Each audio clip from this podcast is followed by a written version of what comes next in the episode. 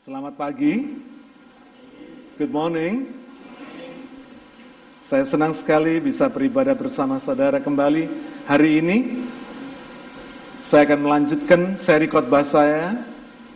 Pada minggu lalu kita sudah bicara tentang muliakan Tuhan lewat masalahmu. Hari ini adalah seri yang kedua. Beberapa minggu yang lalu kita sudah melihat bahwa masalah kita adalah kesempatan bagi Allah untuk menyatakan kemuliaannya. Teringat ya, Sekina Glory. Kemuliaan yang hanya khusus berlaku untuk Tuhan. Ya. Tidak ada yang lain yang bisa memiliki Sekina Glory kecuali Tuhan. Masalah juga merupakan kesempatan bagi Tuhan untuk menyatakan kasihnya melalui hubungan pribadi dengan orang-orang yang dikasihinya. Masalah juga merupakan kesempatan bagi Tuhan untuk menyatakan kuasanya yang siap menolong kita dalam situasi sesulit apa pun dalam hidup ini. Saudara, hari ini kita akan melanjutkan apa saja yang kita bisa pelajari melalui masalah kita. Puji Tuhan karena di dalam Alkitab tertulis atau diceritakan tentang kisah dari Lazarus ya. Mari kita lanjutkan Saudara. Yohanes pasal yang ke-11 ayat yang ketiga. Masalah itu biasa ya. Yohanes 11 ayat yang ketiga. Dan Lazarus yang sakit itu adalah saudaranya. Kedua perempuan itu mengirim kabar kepada Yesus, Tuhan, dia yang engkau kasihi sakit. Kita sudah membaca cerita ini ketika Tuhan mendengar bahwa Lazarus itu sakit, Tuhan sengaja tinggal dua hari lagi di tempat di mana dia berada. Ya. Tuhan sengaja seolah-olah mengabaikan penyakit itu. Seolah-olah bagi Tuhan penyakit itu sesuatu yang tidak terlalu penting. Bahkan ketika Lazarus mati pun Tuhan berkata, Lazarus tidur. Sudah bisa bayangin ya. Bagaimana Tuhan itu melihat masalah kita sebagai masalah yang biasa, hal yang biasa. Meskipun bagi kita merupakan satu hal yang luar biasa, tapi bagi Tuhan masalah itu biasa. Coba saya katakan kiri kanan. Hei, masalahmu, masalahku biasa. Ya. Tuhan tidak pernah tergantung kepada apa pun bentuk masalah saudara dan saya. Karena bagi Tuhan, apa pun masalahmu, apa pun masalah saudara dan saya, tetap masalah itu kecil. Nggak ada yang besar. Ya. Sama mudahnya bagi Tuhan untuk menyelesaikan masalah kita. Ya. Ayat yang ketiga dengan jelas dikatakan bahwa Lazarus itu adalah orang yang dikasih Yesus. Saudara, ternyata orang yang dikasih Yesus seperti Lazarus ini masih bisa sakit. Orang yang percaya, yang dikasih Tuhan, tetap masih bisa mengalami masalah.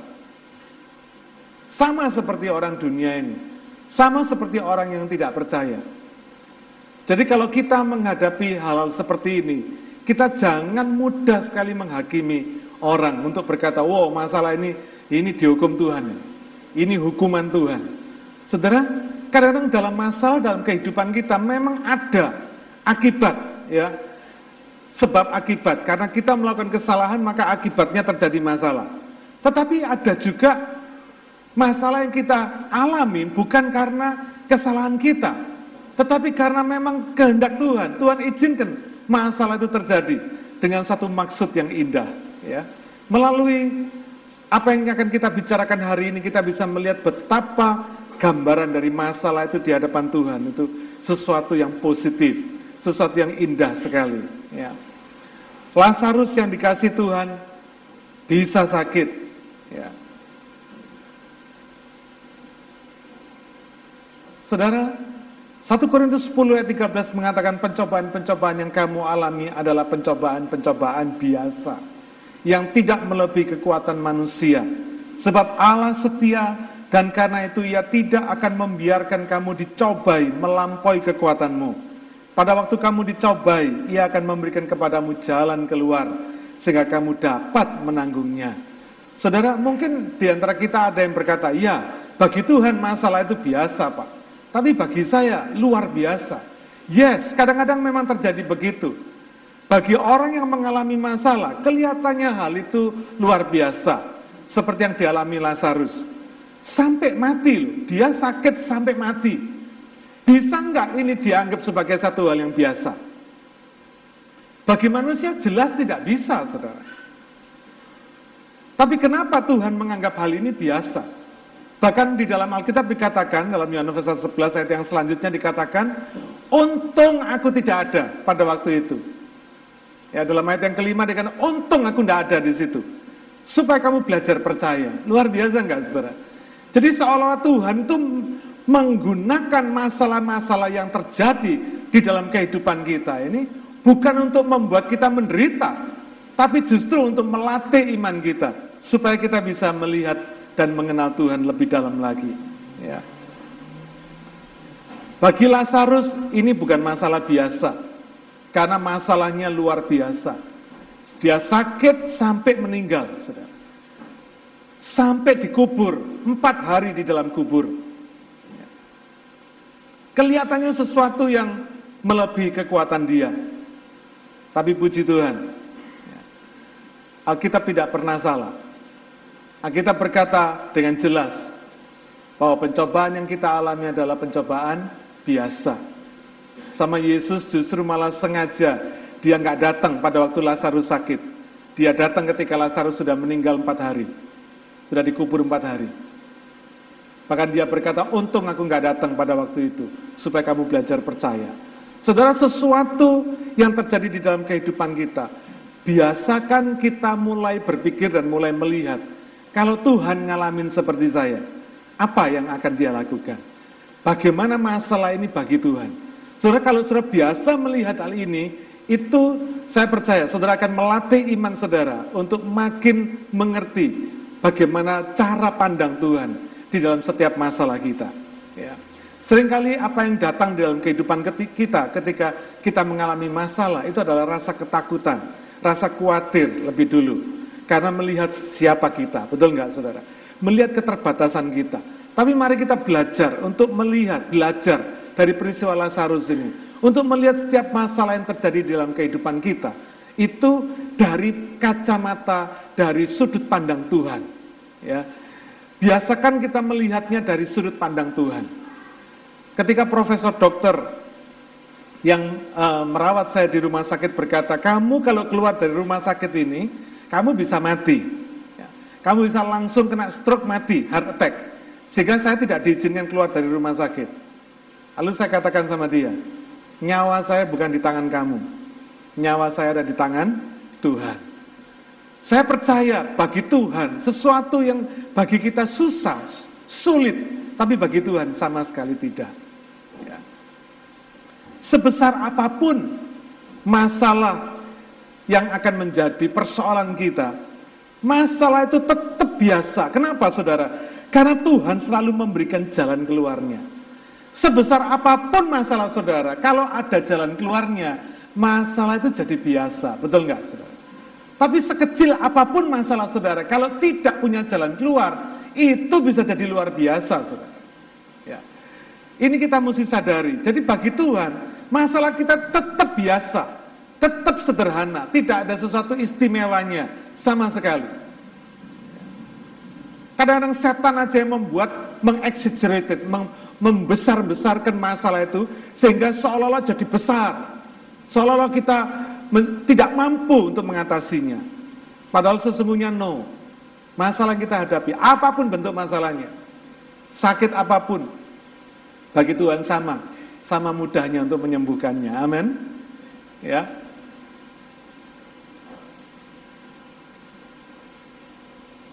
Karena itu di dalam melihat masalah, saudara perhatikan selalu.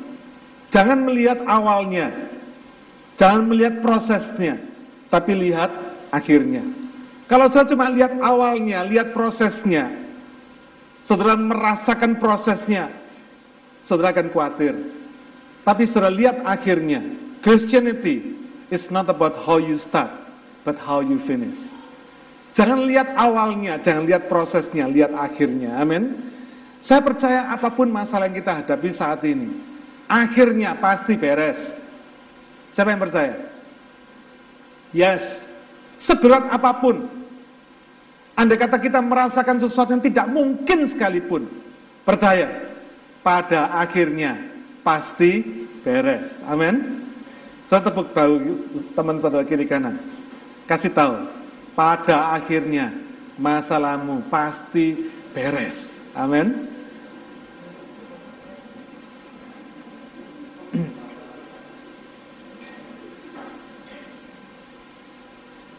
Pertanyaannya sekarang, jadi apa batasan dari biasa itu? Apa yang bisa dikategorikan sebagai hal yang biasa di dalam kehidupan kita? Alkitab firman Tuhan berkata, masalah kita tidak melebihi kekuatan kita. Itu batasannya biasa.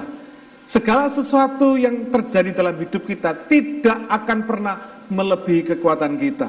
Kenapa? Karena Allah mengontrol masalah kita. Dia tidak membiarkan kita dicobai mengalami masalah yang melebihi kekuatan kita. Itu garantinya Tuhan. Tuhan membuat kita mantap sebab apa yang bakal terjadi di dalam kehidupan kita tidak akan melebihi kekuatan kita. Itu garansinya Tuhan. Tuhan menjaga orang percaya ini di dalam koridor batas kekuatan kita. Nah ini menarik, saudara. Ya. Menarik sekali. Kenapa? Saya mau katakan, kenapa hal ini sangat menarik? Karena faktanya, masalah kita tuh bukan tambah kecil tapi tambah besar. Betul nggak? Siapa yang merasa masalahnya tambah kecil? Makin hari makin kecil. Masalah kita tuh makin hari makin besar, saudara. Ini faktanya. Kita nggak boleh berkata sama diri kita sendiri, oh tenang, masalahmu kecil. Now, masalah kita makin hari makin besar. Orang makin ada umur, penyakit makin keluar semua, betul? Dulu waktu masih kecil, paling penyakitnya ya cuma gitu-gitu aja, flu, pilek, batuk, flu, pilek, batuk. Mulai besar, mulai makin dewasa, makin ada umur, mulai keluar semua, yang aneh-aneh keluar semua. Yang kolesterol tinggi lah, yang apalagi kalau sudah makin kaya, ya kan? Penyakit orang kaya kan makin banyak. Diabetes, sakit jantung, darah tinggi, kolesterol, wah keluar semua. Masalah makin hari makin besar, ya Anak makin dewasa, biayanya makin banyak, betul? Orang tua makin pusing. Kalau anak satu mungkin masih main, anu, kalau anaknya empat, wah mulai mulai ada khawatir. Kenapa? Makin besar anak, biaya makin besar, saudara. Ya. Make up makin mahal, gitu ya. Segala sesuatu biaya pemeliharaan makin makin mahal. Istri saudara waktu masih muda sama waktu tua sudah beda, saudara. Biaya pemeliharaannya makin tinggi, saudara ya. Dunia makin global. Kalau sudah usaha, kita tahu bahwa dunia makin global, maka persaingan kita juga makin ketat. Tapi saudara dituntut untuk makin efisien kerjanya. Supaya apa? Harga yang saudara pasang bersaing. Kalau enggak, saudara enggak laku. Ya. Orang lain berani menawarkan 100, saudara 150, enggak ada yang mau. Kira-kira begitu. Jadi masalah tiap hari makin bertambah, dunia makin maju, masalah makin bertambah. Ya. Berarti logikanya kalau masalah kita bertambah, maka dibutuhkan iman yang semakin besar juga. Betul? Masalah sudah bertambah, sudah dibutuhkan iman, kekuatan yang makin besar juga untuk mengatasi masalah saudara yang semakin besar itu. Supaya apa? Supaya beban masalahnya tidak akan pernah melebihi kekuatan kita. Itu logikanya, saudara. Berarti Tuhan akan bekerja di dalam koridor ini. Masalah makin besar, yes, tidak kita bisa apa tidak bisa kita hindari. Tetapi Tuhan akan bekerja untuk melatih kapasitas, melatih kekuatan iman kita supaya mampu mengatasi masalah kita yang semakin besar. Ini yang dikerjakan Tuhan di dalam kehidupan kita. Nah, bagaimana kita mengerjakan, bagaimana Tuhan mengerjakan, memperbesar kekuatan atau kapasitas iman itu. Mari kita baca 1 Yohanes pasal 5 ayat 3 sampai 5. 1 Yohanes pasal 5 ayat 3 sampai 5. Sebab inilah kasih kepada Allah, yaitu bahwa kita menuruti perintah-perintahnya. Perintah-perintahnya itu tidak berat, sebab semua yang lahir dari Allah mengalahkan dunia. Dan inilah kemenangan yang mengalahkan dunia. Iman kita. Siapakah yang mengalahkan dunia selain daripada dia yang percaya bahwa Yesus adalah anak Allah? Saudara, iman itu adalah anugerah Tuhan karena itu untuk memperbesar ukuran iman kita, maka tidak ada lain jalan kecuali melakukan firman Tuhan. Ini kuncinya. Dalam Roma 12 ayat yang ketiga dikatakan, kamu jangan mikir terlalu tinggi-tinggi. Pikirkanlah apa yang sesuai dengan ukuran iman kamu masing-masing, kata Tuhan. Berarti ada the measurement of faith, ada ukuran iman. Setiap orang ini memiliki ukuran iman masing-masing. Nah, sering kali kenapa masalah itu terasa berat bagi kita? Karena masalahnya bertambah, tapi iman saudara nggak bertambah. Ini yang membuat kita merasa berat, saudara. Tapi saya percaya, kalau masalah saudara bertambah, tapi iman saudara bisa bertambah, saudara nggak bakal merasa berat. Amin.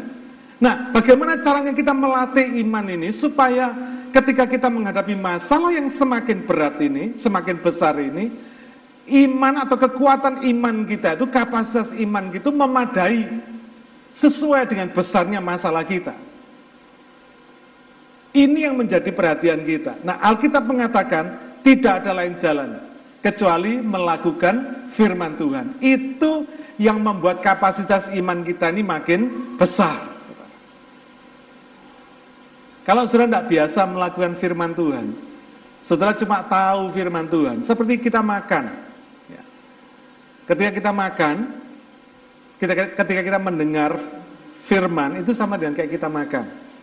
Ketika kita melakukannya, maka makanan yang kita makan ini diterjemahkan oleh tubuh ini, diproses oleh tubuh ini menjadi energi, menjadi pembentukan sel, mem mem memperkuat muscle tubuh kita. Ketika saudara mendengar firman, saudara seperti dapat makanan. Ketika sudah melakukannya, makanan firman ini diproses. Iman datangnya dari pendengaran. Dan pendengaran oleh karena firman Tuhan. Saudara, ini prinsipnya. Sehingga ketika kita melakukan proses ini, menjalankan firman ini, tanpa terasa, masel iman saudara ini menjadi besar, menjadi kuat. Saudara, masel kita ini, otot ya otot badan kita ini kalau nggak dipakai makin lama makin lemah saudara karena saya anjurkan saudara meskipun saudara sudah berumur saudara sudah punya umur gitu ya jangan pernah berhenti untuk berolahraga latihlah muscle saudara ya. gerakkan semua tangan kaki saudara gerakkan Jangan cuma duduk, diam, nonton TV, tidur. Duduk, diam, makan, nonton TV, tidur. Nanti ini lama-lama lemah, saudara. Kaki saudara lama-lama kecil, tangan saudara lama-lama lemah. Tapi kalau saudara belajar, saudara melatih terus, melakukan apa yang menjadi kegiatan saudara, tangan kaki saudara gerakkan, leher saudara gerakkan semua, saudara akan kuat, saudara. Ya, masal saudara akan tetap dilatih. Demikian juga ketika Tuhan itu melakukan menambah kapasitas iman kita, nggak ada lain jalan kecuali saudara mau melakukan firman Tuhan. Ketika saudara melakukan firman Tuhan, maka masal iman saudara itu makin hari makin besar. Saudara makin kuat menghadapi masalah-masalah. Sehingga apa pun yang saudara hadapi, saudara akan tenang aja. Istilahnya orang Jawa menter, gitu ya. Tidak goyang sama sekali. Masalah apa pun yang terjadi di dalam kehidupan saudara, saudara akan tetap steady, tetap firm, tidak goyang. Saudara, orang yang gampang goyang dalam hidup ini, itu menunjukkan masal imannya nggak kuat. Pernah saudara ketemu sama orang begini? Kelihatannya dia rohani banget. Tapi begitu dia diserang masalah KO langsung. Ini menunjukkan dia tidak biasa melatih masal iman ini. Sehingga ketika dia menghadapi masalah, KO dia. Padahal Tuhan menjamin masalah kita tidak akan melebihi kekuatan kita. Berarti apa saudara? Kita punya kekuatan itu. Tapi karena kita nggak melatihnya, maka kita tidak tahu kekuatannya. Kita merasa nggak mampu, padahal kita mampu. Ya. Kesimpulannya, masalah dipakai Tuhan untuk meningkatkan kapasitas atau ukuran iman kita. Jadi ketika saudara menghadapi masalah, saudara berkata dalam hati saudara, Tuhan terima kasih. Ucap syukur. Karena saudara akan mengalami kapasitas iman yang semakin besar. Setiap masalah berbeda, melatih masal yang berbeda, melatih masal iman yang berbeda di dalam kehidupan kita. Amin. Saudara untuk melatih setiap masal kita ini beda. Saudara melatih bicep sama melatih tricepnya juga beda. Cara melatihnya, saudara melatih masal perut ini di abdomen saudara sama melatih masal di kaki saudara beda caranya. Demikian juga ketika Tuhan mengizinkan masalah terjadi di dalam kehidupan saudara. Sesungguhnya Tuhan sedang melatih masal iman kita di dalam hal yang berbeda. Amin. Supaya apa pun masalah yang saudara hadapi, yang datang dalam kehidupan saudara, saudara mampu mengatasinya. Saudara akan tampil sebagai pemenang. Nggak pernah KO, saudara. Ya. Kalau ada orang Kristen KO kena masalah, pertanyaannya besar. Ya. Kenapa? Karena Tuhan menjamin masalah kita biasa dan Allah itu setia. Ketika kita menghadapi masalah, Dia berikan jalan keluar sehingga kita dapat menanggungnya. Artinya apa? Tampil sebagai pemenang. Hari ini kalau saudara merasa KO sama masalah saudara, bangkit saudara. Ayo bangkit. Jangan terus KO saudara. Ayo terus bangkit. Yang kedua, kalau tadi masalah kita biasa, yang kedua, masalah kita akan memuliakan Yesus. Ya. Ayat yang keempat, Yohanes 11 ayat yang keempat, mengatakan demikian. Ketika Yesus mendengar kabar itu, ia berkata, penyakit itu tidak akan membawa kematian. Tadi itu ya, masalah itu biasa, tidak akan membawa kematian tetapi akan menyatakan kemuliaan Allah. Oleh sebab penyakit itu, anak Allah akan dimuliakan. Saya nggak akan bicara tentang bagaimana menyatakan kemuliaan Allah, tapi saya akan mau lihat satu persatu. Penyakit Lazarus tidak akan membawa kematian. Ini statement Tuhan. Saudara, dunia ini penuh dengan statement-statement yang melawan Tuhan. Ya. Seperti yang saya dengar ketika saya dirawat di rumah sakit. Statement-statement dokter selalu membuat melemahkan saya, selalu membuat saya takut, selalu membuat saya khawatir. Tapi saya ingat bahwa statement Tuhan lebih berkuasa daripada statement manusia yang namanya dokter sekalipun. Biar dokter bilang apa pun juga, percaya pada apa kata Tuhan lebih daripada apa kata dokter. Amin. Bagi orang percaya, penyakit itu tidak akan membawa kematian. Saudara saya ulangi. Bagi orang percaya, penyakit itu tidak akan membawa kematian. Kecuali penyakit itu dipakai oleh Tuhan. Sebagai cara untuk memanggil kita kembali pulang ke sorga. Nangkep saudara maksudnya? Sudah masukkan ini dalam hati dan pikiran kita. Jadi apa pun bentuk penyakit saudara, kalau itu bukan cara Tuhan untuk memanggil kita pulang ke sorga, pasti sembuh pasti sembuh. Apa dasarnya? Bukan positive thinking. Bukan. Tapi firman Tuhan berkata, Yesaya 53 ayat yang kelima. Tetapi dia tertikam, Yesus tertikam oleh karena pemberontakan kita. Dia diremukkan oleh karena kejahatan kita.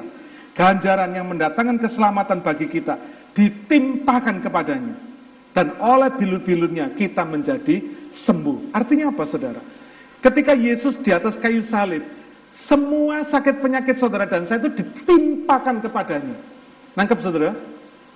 Segala kejahatan kita, segala sakit penyakit kita itu ditimpakan kepadanya. Disalibkan bersama dia di atas kayu salib.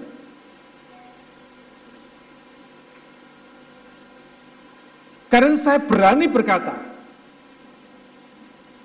bahwa apa pun bentuk penyakit saudara dan saya, kalau itu bukan cara Tuhan untuk memanggil kita pulang ke sorga, pasti sembuh.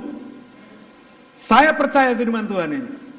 Dokter bilang apa pun juga, kanker ataupun apa pun juga penyakitnya, segala bentuk penyakit yang mengerikan sekalipun di atas dunia ini. Saya lebih percaya firman Tuhan daripada percaya omongannya dokter saudara. Karena Tuhanlah yang memiliki hidup kita. Dia tahu persis apa yang terjadi di dalam kehidupan kita. Ketika dia mati di kayu salib, dia tahu persis apa yang dia kerjakan di kayu salib. Amin. Karena itu firmannya ditulis untuk menjelaskan apa yang terjadi di kayu salib. Ini penting, saudara. Banyak orang Kristen percaya Yesus, tapi dia tidak mengerti apa yang terjadi di kayu salib. Rugi, saudara. Rugi. Kita mesti ngerti apa yang terjadi di kayu salib. Apa yang dia kerjakan di kayu salib.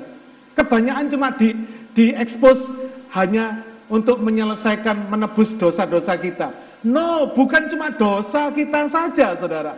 Tapi semua persoalan kita di atas dunia ini sudah diselesaikan di atas kayu salib.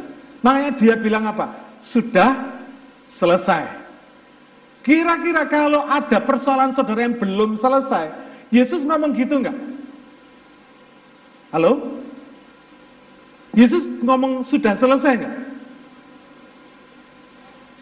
Will he say it is finished? No, serta Tuhan tuh nggak pernah bisa bohong.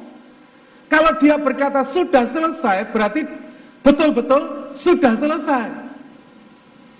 Dia mati di kayu salib itu bukan untuk dirinya sendiri, tapi untuk siapa? Saudara dan saya, orang berdosa ini loh. Untuk murid-muridnya dan untuk semua orang manusia di dunia ini loh.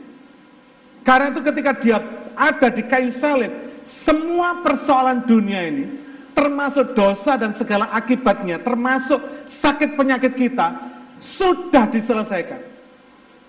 Sekali untuk selamanya. Segala hutang-hutang kita di atas dunia ini diselesaikan di kayu salib sekali untuk selamanya. Makanya Yesus berkata apa? It is finished. Sudah selesai. Sudah dibayar semua. Segala hutang sudah lunas. Karena itu kita orang percaya pada hari ini kita mesti ngerti apa yang terjadi di kayu salib 2000 tahun yang lalu. Sehingga saudara dan saya tidak gampang dibikin goyang sama setan. Tidak gampang dibikin goyang iman kita. Dengan persoalan-persoalan apa pun yang terjadi di dunia ini. Mau persoalan besar kecil kayak persoalan yang mengerikan kayak persoalan mau apa saja. Selalu saya ingat sudah selesai. Amin. Coba katakan kiri kanan lagi. Persoalanmu, persoalanku sudah selesai. Amin. Jangan pernah ada rasa takut sedikit pun di dalam pikiran kita. Karena ketika kita punya rasa takut di dalam pikiran kita, itu merupakan jalan masuk, gerbang masuk, supaya setan bisa merongrong kehidupan saudara, bisa menghancurkan iman saudara. Kekristenan kita tidak akan bisa dihancurkan dari luar. Tapi kekristenan kita bisa dihancurkan dari dalam sendiri. Kalau pikiran kita salah. Kalau kita salah mengenal apa yang, di, apa yang dikerjakan oleh Yesus di kayu salib. Karena itu saudara jangan heran. Segala bentuk agama dan segala bentuk bidat, aliran sesat apa pun di dunia ini, selalu akan bermuara kepada apa yang Yesus kerjakan di kayu salib. Sebab yang dikerjakan Yesus di kayu salib hanya bisa dikerjakan kalau Yesus itu Tuhan. Agama-agama itu mengakui Yesus orang baik. Mengakui Yesus itu apa e, nabi, tapi mereka tidak mengakui Yesus itu Tuhan. Ngerti nggak saudara? Kalau tidak mengakui Yesus itu Tuhan, maka apa yang dia dikerjakan di kayu salib itu nothing. It's nothing. Nangkep gak saudara? Kenapa? Ya karena dia manusia. Dia cuma manusia. Apa yang dia katakan bohong. Kenapa? Dianggap manusia. Tapi kalau sudah percaya bahwa Yesus itu Tuhan, Yesus itu Allah, firman yang menjelma menjadi manusia, maka apa yang dikerjakan di atas kayu salib itu powerful, kuasa. Dan apa yang dikatakannya ya dan amin, digenapi. It is finished, finish beneran. Dosa kita finish, utang kita lunas, sakit penyakit kita disembuhkan. Amin. Percaya ini saudara. Ketika saudara percaya, saudara akan mengalami kuasanya. Ya, saudara akan mengalami kuasanya di kayu salib. Saya bersyukur atas karena anugerah Tuhan.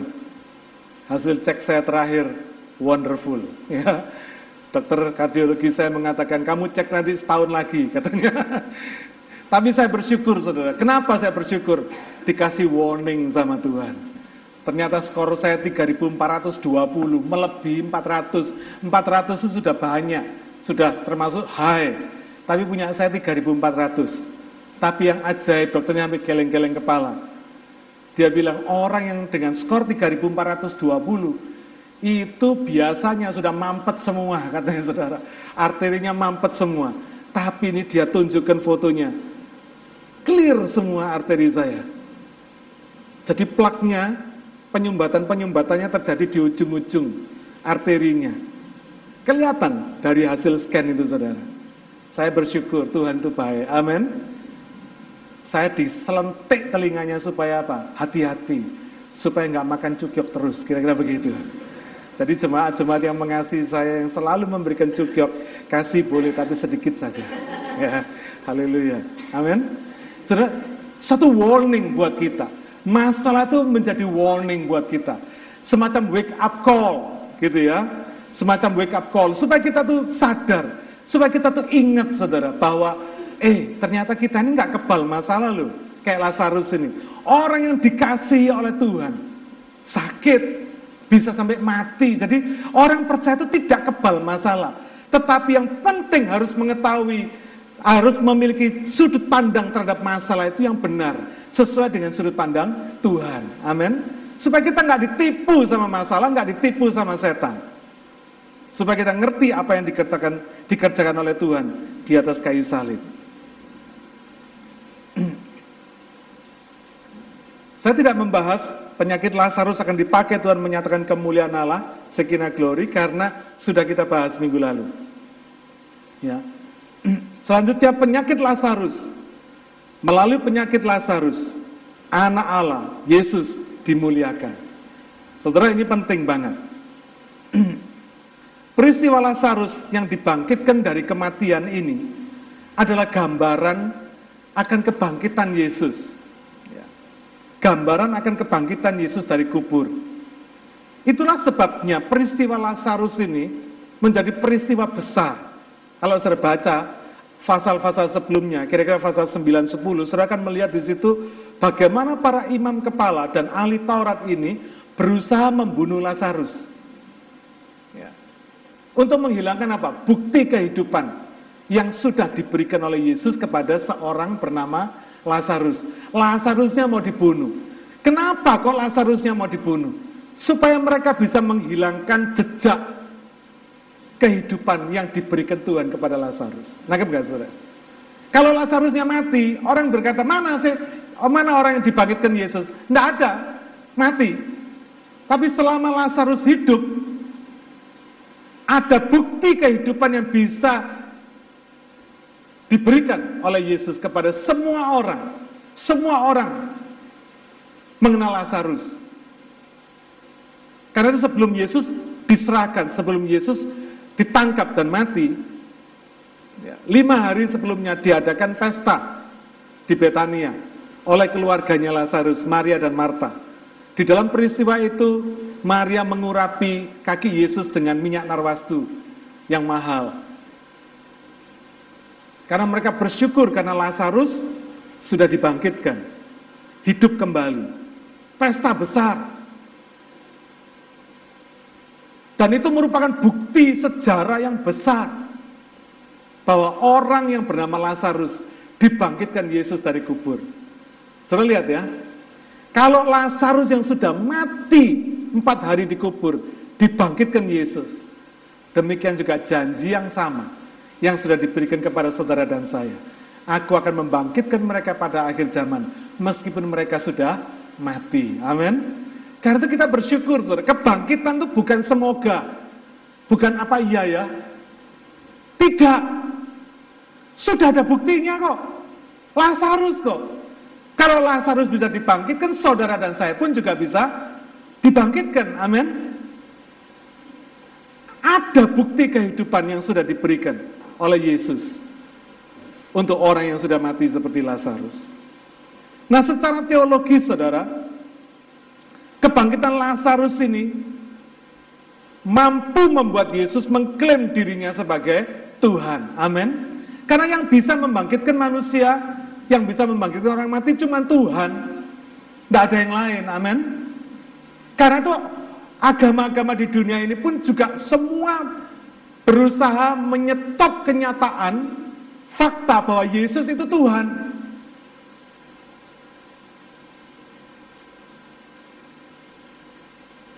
Karena kalau Yesus itu bukan Tuhan, maka semua yang dikatakan Yesus omong kosong.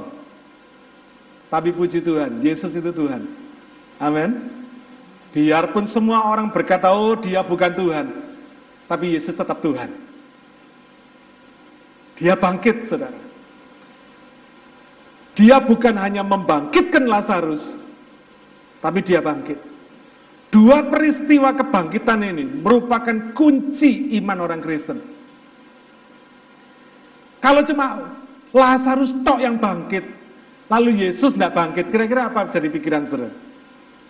Saudara kan berkata begini, loh, Yesus bisa membangkitkan Lazarus, lah kok dia tidak bangkit? Nanti nggak saudara? Manusia akan berpikir begitu. Tapi kalau Lazarus dibangkitkan dan Yesus sendiri bangkit, Manusia tidak bisa berkata apa pun. Selain berkata, ya, dia Tuhan. Amin. Saudara, inilah kunci kekristenan. Inilah kunci kekristenan. Inilah yang membedakan Yesus dengan nabi-nabi yang lain. Dia bangkit dari kematian. Dia bukan cuma bisa membangkitkan Lazarus yang sudah mati di kubur empat hari. Tapi dia sendiri bangkit dari kematiannya. Maut tidak bisa memegang dia, tidak bisa menguasai dia. Dia hidup, saudara. Kalau Yesus nggak hidup, percuma iman saudara sama saya hari ini. Semua kubur di dunia ini, semegah apa pun, ada kerangkanya di situ. Ya. Tapi kubur Yesus kosong, tidak ada apa-apanya. Karena dia bangkit. Amin. Karena dia bangkit, saudara dan saya boleh bersyukur. Saudara percaya, oh Tuhan terima kasih. Engkau sudah memberikan contoh kepada kami semua. Bahwa orang mati dibangkitkan seperti Lazarus. Maka kita pun saudara dan saya, meskipun kita nanti sudah mati, kita akan dibangkitkan oleh Tuhan Yesus yang sama. Amin. Karena dia sudah membuktikan dirinya sendiri bahwa dia Tuhan. Dia bangkit dari kematian. Dia bangkit dari kematian. Dia adalah Allah. Kesimpulannya saudara, penyakit Lazarus dipakai Tuhan untuk menyatakan anugerah Allah. Anugerah dari atas ke bawah. Semua agama sifatnya dari bawah ke atas. Manusia mencari Tuhan, itu agama. Tapi anugerah Tuhan turun dari atas ke bawah, bukan dari bawah ke atas. Amin. Karena itu ketika Yesus mati di kayu salib, Bait suci, tirai bait suci terbelah. Bukan dari bawah ke atas, tapi dari atas ke bawah. Amin. Anugerah Allah turun dari atas ke bawah. Bukan karena kehebatan kita, tapi karena anugerahnya. Saudara dan saya hari ini diselamatkan Tuhan. Dijamin keselamatannya sama Tuhan. Dijamin kebangkitannya sama Tuhan. Karena dari atas ke bawah. Bukan dari kebaikan kita, tapi dari kebaikan Tuhan. Bukan dari kuat kuasa kita, tapi dari kuat kuasa Tuhan. Amin. Apa pun yang menjadi masalah saudara hari ini, ketahuilah, ada anugerah vertikal dari atas ke bawah yang turun di dalam kehidupan kita. Sehingga kita yakin bahwa hidup kita ini betul-betul dijaga oleh Tuhan. Tidak perlu ada ragu-ragu. Tidak perlu ada khawatir lagi tentang Yesus. Amin. Orang boleh nggak percaya Yesus, silahkan. Tapi fakta membuktikan Yesus bangkit. Dia Allah. Meskipun dia tidak dipercaya sebagai Tuhan, tidak dia tidak itu tidak mengurangi kemuliaan Tuhan sebagai Tuhan sendiri. Amin. Dia Allah. Dia Tuhan yang hidup. Dia Tuhan yang hidup. Luar biasa. Dahsyat Tuhan itu. Hari ini apa pun masalah saudara, ketahuilah, masalah saudara adalah masalah yang biasa. Amin. Masalah yang biasa. Yang kedua, masalah saudara dipakai oleh Tuhan untuk memuliakan Yesus. Makin memuliakan Yesus. Ya. Bukan cuma berkatnya Tuhan saja yang dipakai untuk memuliakan dia. Seringkali kita berpikir, oh kalau saya dapat berkat, saya akan bisa bersaksi untuk memuliakan Tuhan. Yes, itu juga tidak salah. Tetapi jangan keliru. Meskipun saudara menghadapi masalah, saudara bisa tetap memuliakan dia. Amin. Di tengah-tengah masalah saudara, lewat masalah saudara, melalui masalah saudara, saudara tetap bisa memuliakan Tuhan. Amin. Jadi jangan sampai saudara grogi dengan masalah.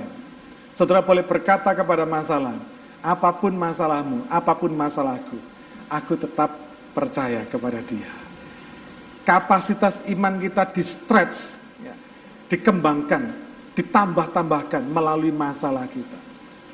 Saudara, perhatikan kata-kata saya. Kalau kapasitas iman kita ini ya, di stretch atau dikembangkan, dilatih melalui berkat, tidak kuat saudara. Tidak kuat. Kenapa? Karena berkat itu membuat kita nyaman. Ya.